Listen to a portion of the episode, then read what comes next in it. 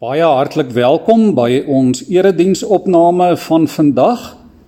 Ons begin hierdie geleentheid in die naam van die Here en ek begin deur vir ons voor te lees uit Psalm 95. Kom, laat ons jubel tot eer van die Here. Laat ons juig oor die rots by wie ons redding vind. Laat ons na hom toe gaan met lof. Laat ons hom toejuig met lofsange want die Here is die magtige God, die groot koning oor al die gode. Die dieptes van die aarde behoort aan hom, die kruine van die berge is syne. Die see is syne, hy het dit gemaak. Sy hande het die land gevorm. Kom ons val in eerbetoon voor hom neer. Kom ons buig, kom ons kniel voor die Here ons Skepper. Hy is ons God en ons is sy volk, sy kudde, sy skape deur sy hand versorg. Kom ons buig ons hoofde ook so in gebed voor die Here. Here, dankie dat ons kan weet dat U 'n getroue God is. Dankie dat U mense liefhet. Dat U hierdie skepping en hierdie aarde liefhet. En Here, dat U getrou is ook in ons wat U kinders is se lewens. Here ons kom by hierdie geleentheid om voor U te kniel en te buig as die Skepper en ons bid Here dat U ook deur U woord en deur U Gees vir ons so sal versorg dat ons geestelik verryk en versterk sal word deur die verkondiging van U woord. Dit is ons gebed in die naam van Christus ons verlosser. Amen. Ek wil graag vir ons lees uit die Here se woord uit die brief van Paulus aan die Filippense hoofstuk 3 ons lees van vers 7 Maar wat eers vir my 'n bate was beskou ek nou as waardeloos ter wille van Christus. Ja nog meer ek beskou alles as waardeloos want om Christus Jesus my Here te ken oortref alles in waarde Terwille van hom het ek alles prysgegee en beskou ek dit as verwerplik sodat ek Christus as enigste bate kan verkry en een met hom kan wees vrygespreek. Nie omdat ek die wet onderhou nie maar omdat ek in Christus glo. Dit is die vryspraak wat God gee omdat 'n mens in hom glo.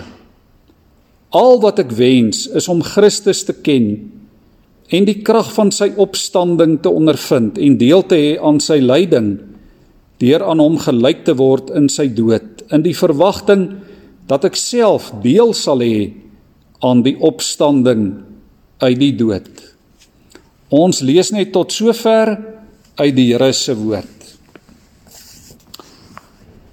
Liewe vriende, kom ons begin met die vraag: Wat is jy bereid om te doen vir iets wat regtig baie waardevol of belangrik is. Natuurlik hang dit af van wat dit is.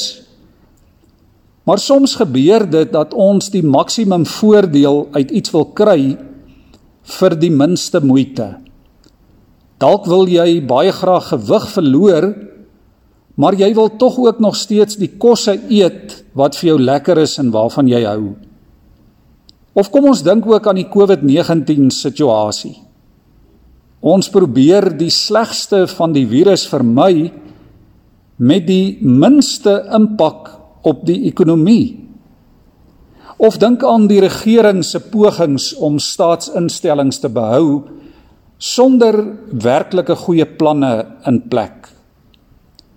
Die punt is ons kan in die meeste gevalle nie die beste van twee wêrelde hê nie. Iets moet prysgegee word sodat iets anders of dan iets beter bereik kan word. En dis nie altyd so eenvoudig nie. Want hoe besluit 'n mens nou? Hoe weet jy wat is belangriker? Jy weet jy moet jou cholesterol vlakke onder beheer hou. Maar hoe kies jy tussen dit wat die dokter sê vir jou goed en reg is aan die een kant en aan die ander kant twee lekker gebraaide skaapchoppies en 'n lekker stuk boerbrood met plaasbotter en konfyt aan die ander kant. Dit is moeilik. En dikwels moet die een opgegee word vir die ander. Dis glad nie eenvoudig nie. Dalk voel jy jy het te hard gewerk vir iets om dit sommer net te laat gaan. Selfs nie eers vir iets anders wat ooglopend dalk 'n beter opsie is nie. Ons kan redeneer en sê maar ons het te hard gewerk om te kom waar ons is. Ons het te veel geïnvesteer. En die moontlikheid om dit iewers langs die pad prys te gee of te verloor maak ons dikwels angstig. Dalk maak dit ons selfs heel blind vir ander en beter moontlikhede. En nou sien ons dat Paulus te doen kry met hierdie selfe soort dilemma. In Paulus se ontmoeting met Jesus ontdek hy iets wat beter is, iets wat sy hart en sy lewe totaal aangryp. Maar wat nou van Paulus se verlede? Wat van sy status as 'n toegewyde Jood? Wat van sy harde werk? Hoe kan Paulus dit alles net so laat los? En die vraag is ook wat van ons?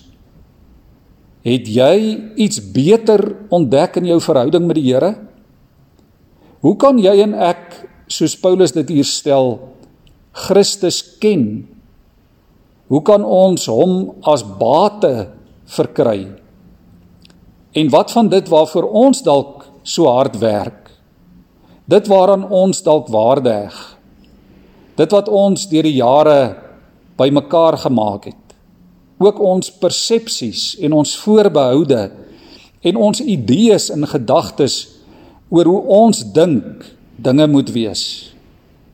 Moet ons dit eenkant toe skuif? Hoe kan Jesus ons enigste bate wees? Paulus sê daar is een groot struikelblok en solank hierdie struikelblok in plek is, gaan ons arm bly in ons verhouding met God en waarskynlik gaan ons geen geestelike groei beleef nie. Kom ons dink vir 'n oomblik oor die gelowiges daar in die stad Filippi waarvoor Paulus hierdie brief skryf. Hulle was hoofsaaklik onbesnede heidene wat tot bekering gekom het en in Jesus begin glo het. Hulle was dus nie Jode nie. En hulle is gekonfronteer deur 'n groep wat baie ernstig was daaroor dat hulle besny moes word om ware Christene te wees. Hierdie groep het bekend gestaan as die Judaïste. En hulle het gesê As jy 'n goeie Christen wil wees, dan moet jy eers 'n goeie Jood wees. Jy moet jou onderwerp aan die Joodse gebruike en tradisies, aan die wet van Moses om gered te kan word. En Paulus verwys na hulle as die besnydenisparty. En hy sê maar dit wat hulle propageer is gevaarlik. Paulus sê eintlik dit is absolute nonsens. Hy noem dit 'n ander evangelie. Paulus vra ook onder andere vir die gelowiges in Galasië wat ook aan hierdie beweging toegegee het, vra Paulus: Ek wil net een ding by julle weet. Het julle die Heilige Gees ontvang deur die wet van Moses te onderhou of deur die evangelie te glo? Is julle dan so dom, sê Paulus? Julle het met die Gees begin. Wil julle nou in julle eie krag eindig? Vir Paulus is die besnydenis en die wet en om 'n goeie Jood te wees in konflik met die Jesus evangelie. Dit is om te sê maar ek is eers 'n Jood en op grond daarvan maak ek aanspraak op God se genade. Paulus sê dis 'n gevaarlike en 'n vals en selfs 'n selfgeprakseerde identiteit. Hoor wat sê Paulus in vers 3. Hy sê ons het die ware besnydenis. Eintlik sê hy ons het die ware identiteit. Ons wat God deur sy gees dien. Ons wat ons op Christus Jesus beroem en nie op uiterlike dinge vertrou nie. Paulus sê jou en my geestelike en geloofsidentiteit word nie bepaal deur uiterlike merkers en tekens nie. Dit word bepaal deur die werk van die Gees van God binne in ons. En dit liewe vriende is wat die gelowiges daar in Filippi en in Galasië en ook jy en ek moes en moet verstaan oor die objek van ons eie geloofsidentiteit. Hoekom is ons wie ons is? Hoekom is ons gelowiges? Hoekom is ons Christene? Hoekom is ons volgelinge van Jesus? Hoekom is ons mense van die weg? Verseker nie omdat ons besny is nie. Ook nie omdat ons gedoop is nie. Of omdat ons nagmaal gebruik nie. Nie omdat ons kerk toe kom of omdat ons dalk gereformeerd en kalvinisties is of omdat ons dalk Afrikaners is of in 'n Christenhuis groot geword het of aangeneem en voorgestel word as ons die dag 18 jaar oud is nie. Ons is wie ons is net deur die werk van die Gees van Christus binne in ons. Die vraag is hoe lyk 'n Christen? Watter soort identiteit moet ons in 'n Christen kan sien? Is 'n Christen patrioties? Behoort 'n Christen aan 'n sekere party? Is 'n Christen iemand wat nie rook nie, wat nie drink nie? Is die Christen prentjie wat jy en ek het, die van iemand wat dalk autentiek is, wat eg is, betroubaar, karaktervol, geloofwaardig. Stoei ons weergawe in ons prentjie van 'n Christen nooit met sonde nie. Nooit met dinge soos depressie en versoekings en verslawing en homoseksualiteit en ander forme van sonde nie. Wat verwag ons van 'n Christen? En hoe stem ons verwagtinge ooreen met die Jesus evangelie. Wie of wat is die objek van ons identiteit? Dit kan so maklik gebeur dat allerlei kulturele of tradisionele of ander merkers en vereistes ons identiteit bepaal. Selfs ons eie vroomheid, selfs ons eie perfektheid. Ons vergeet so maklik om te roem in die lyding, die vernedering, die nederige dienskneg gestalte van Jesus. Ons soek so maklik eer in allerlei dinge waarvan nie een Christus is nie. Is ons identiteit in Jesus, in hom as die weg en die waarheid en die lewe. Paulus is so bietjie moetswillig as hy ons hiermee konfronteer. Paulus sê as Christendom byvoorbeeld beteken jy moet 'n goeie Jood wees, dan sê Paulus is ek, Paulus, die beste Jood en die beste Christen wat daar is. Paulus sê ek is 'n Israeliet. Op die 8ste dag is ek besny volgens die Joodse wet. Ek is uit die elite stam van Benjamin. Ek is 'n Hebreër, ek is 'n Fariseer. Ek ken die wet, ek is 'n vervolger van die kerk. Volgens die wet is ek vlekkeloos en blaamloos. 'n Uitnemende voorbeeld was Paulus van getrouheid aan godsdiens, aan kultuur, aan land en stam en volk en taal. Paulus sê my familiebande lê dieper as diep. As enige iemand vertroue moes hê in sy Joodse identiteit, dan was dit Saulus van Tarsus.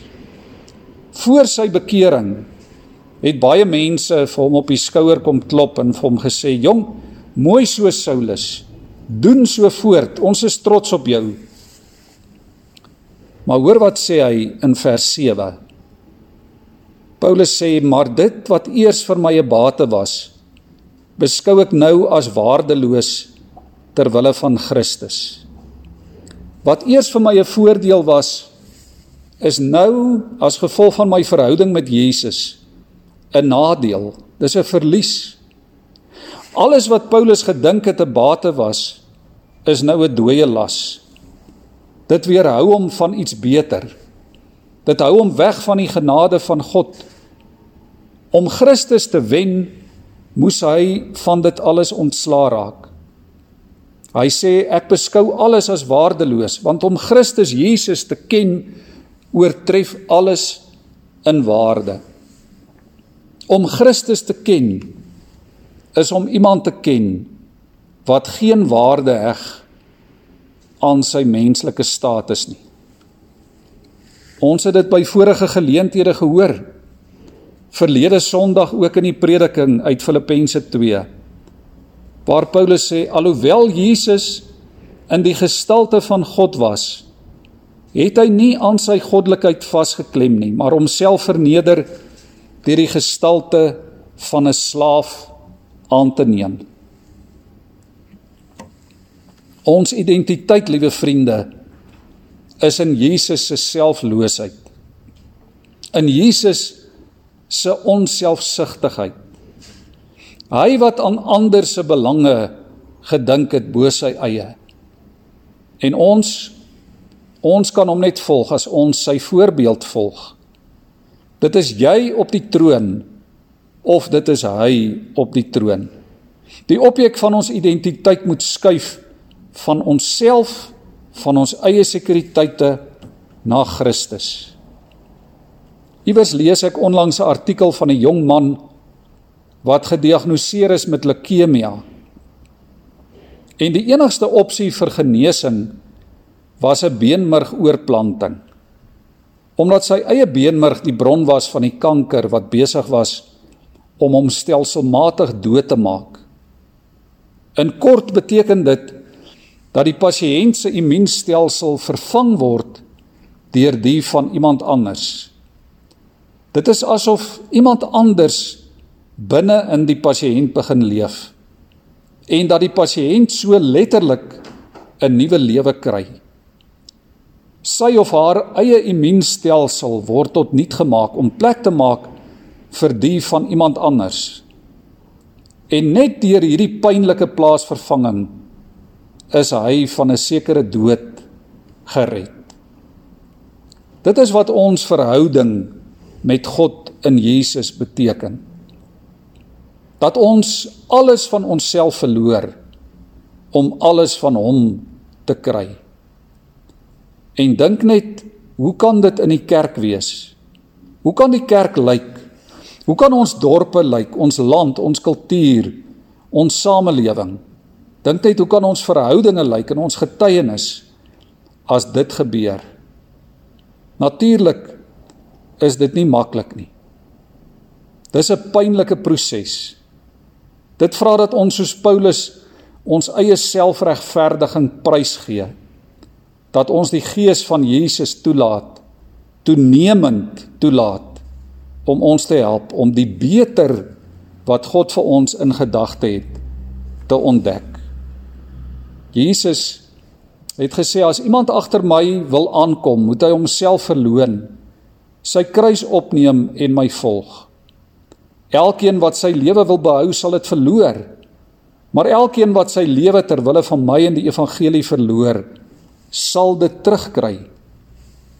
Toe hy sy disippels geroep het, het hulle hulle bote en hulle nette en hulle families agtergelos.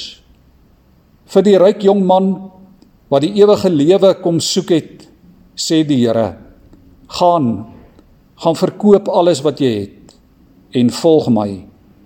Maar die Here sê ook vir hom: Ek het gekom sodat jy die lewe kan hê en dit in oorvloed. Jesus vra nie, liewe vriende van jou en my iets wat hy nie self gedoen het nie. Hy self het alles verloor om alles te wen. Hy het sy eie lewe gegee vir iets oneindig beter vir die eer van sy Vader, vir die koninkryk van die hemel, vir die redding en die verlossing van mense. Paulus kom en hy sê ek beskou alles as waardeloos want om Christus Jesus as die Here van my lewe te ken oortref alles in waarde.